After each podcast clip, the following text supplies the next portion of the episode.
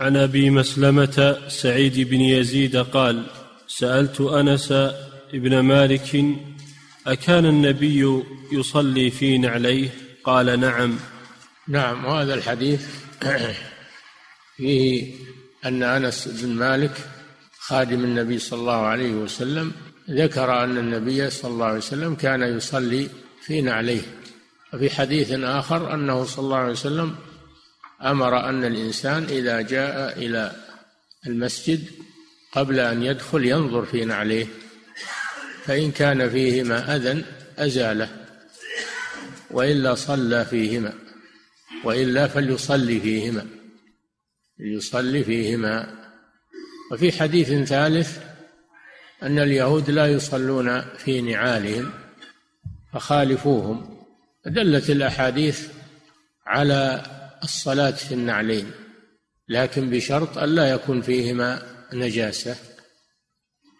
النبي صلى الله عليه وسلم كان يصلي فخلع خفيه وهو يصلي فخلع الصحابة خفافهم.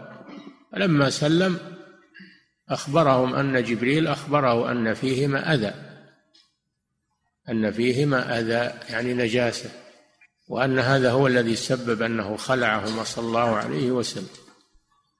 إذا كان في النعلين نجاسة لا يصلي فيهما أو الخفين. أما إذا كان طاهرين يصلي فيهما. لكن هل هذا من باب الإباحة أو من باب الاستحباب؟ على قولين. بعض العلماء يقول هذا من باب الإباحة.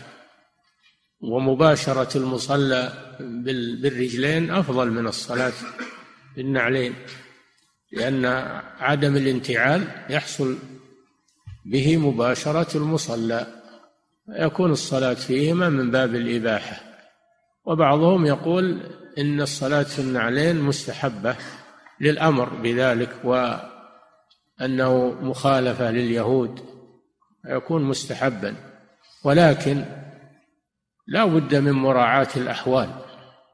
فإذا كان الناس لا, لا يعتادون الصلاة في النعلين ويجي واحد يصلي في نعليه بالمسجد ويشوشون ويحصل بذلك استغراب فإنه لا يفعل ذلك لأن التأليف وعدم التشويش مطلوب وهو لم يترك واجبا وإنما ترك مستحبا أو مباحا.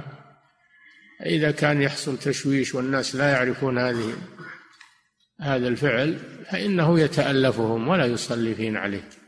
أيضا في وقتنا الحاضر المساجد تغيرت عن وضعها السابق. كانوا في الزمان السابق إلى عهد قريب. كان المساجد رمل أو حصبة ما فيها فرش وكانت لا تتأثر بالنعال.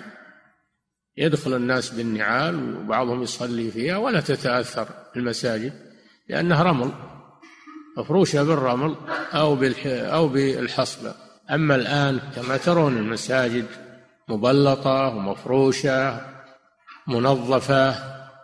فلو أن الناس يدخلون بنعالهم يصلون فيها توسخت. فتراعى الظروف والأحوال. إذا كان المكان غير مناسب للصلاة في النعال لكونه مفروشا ومنظفا و فإنه يراعى ولا يصلى في النعال. أما إذا كان المكان قابلا إن يعني كان من الرمل أو من الحصبة فلا مانع من ذلك. نعم. أحسن الله إليك.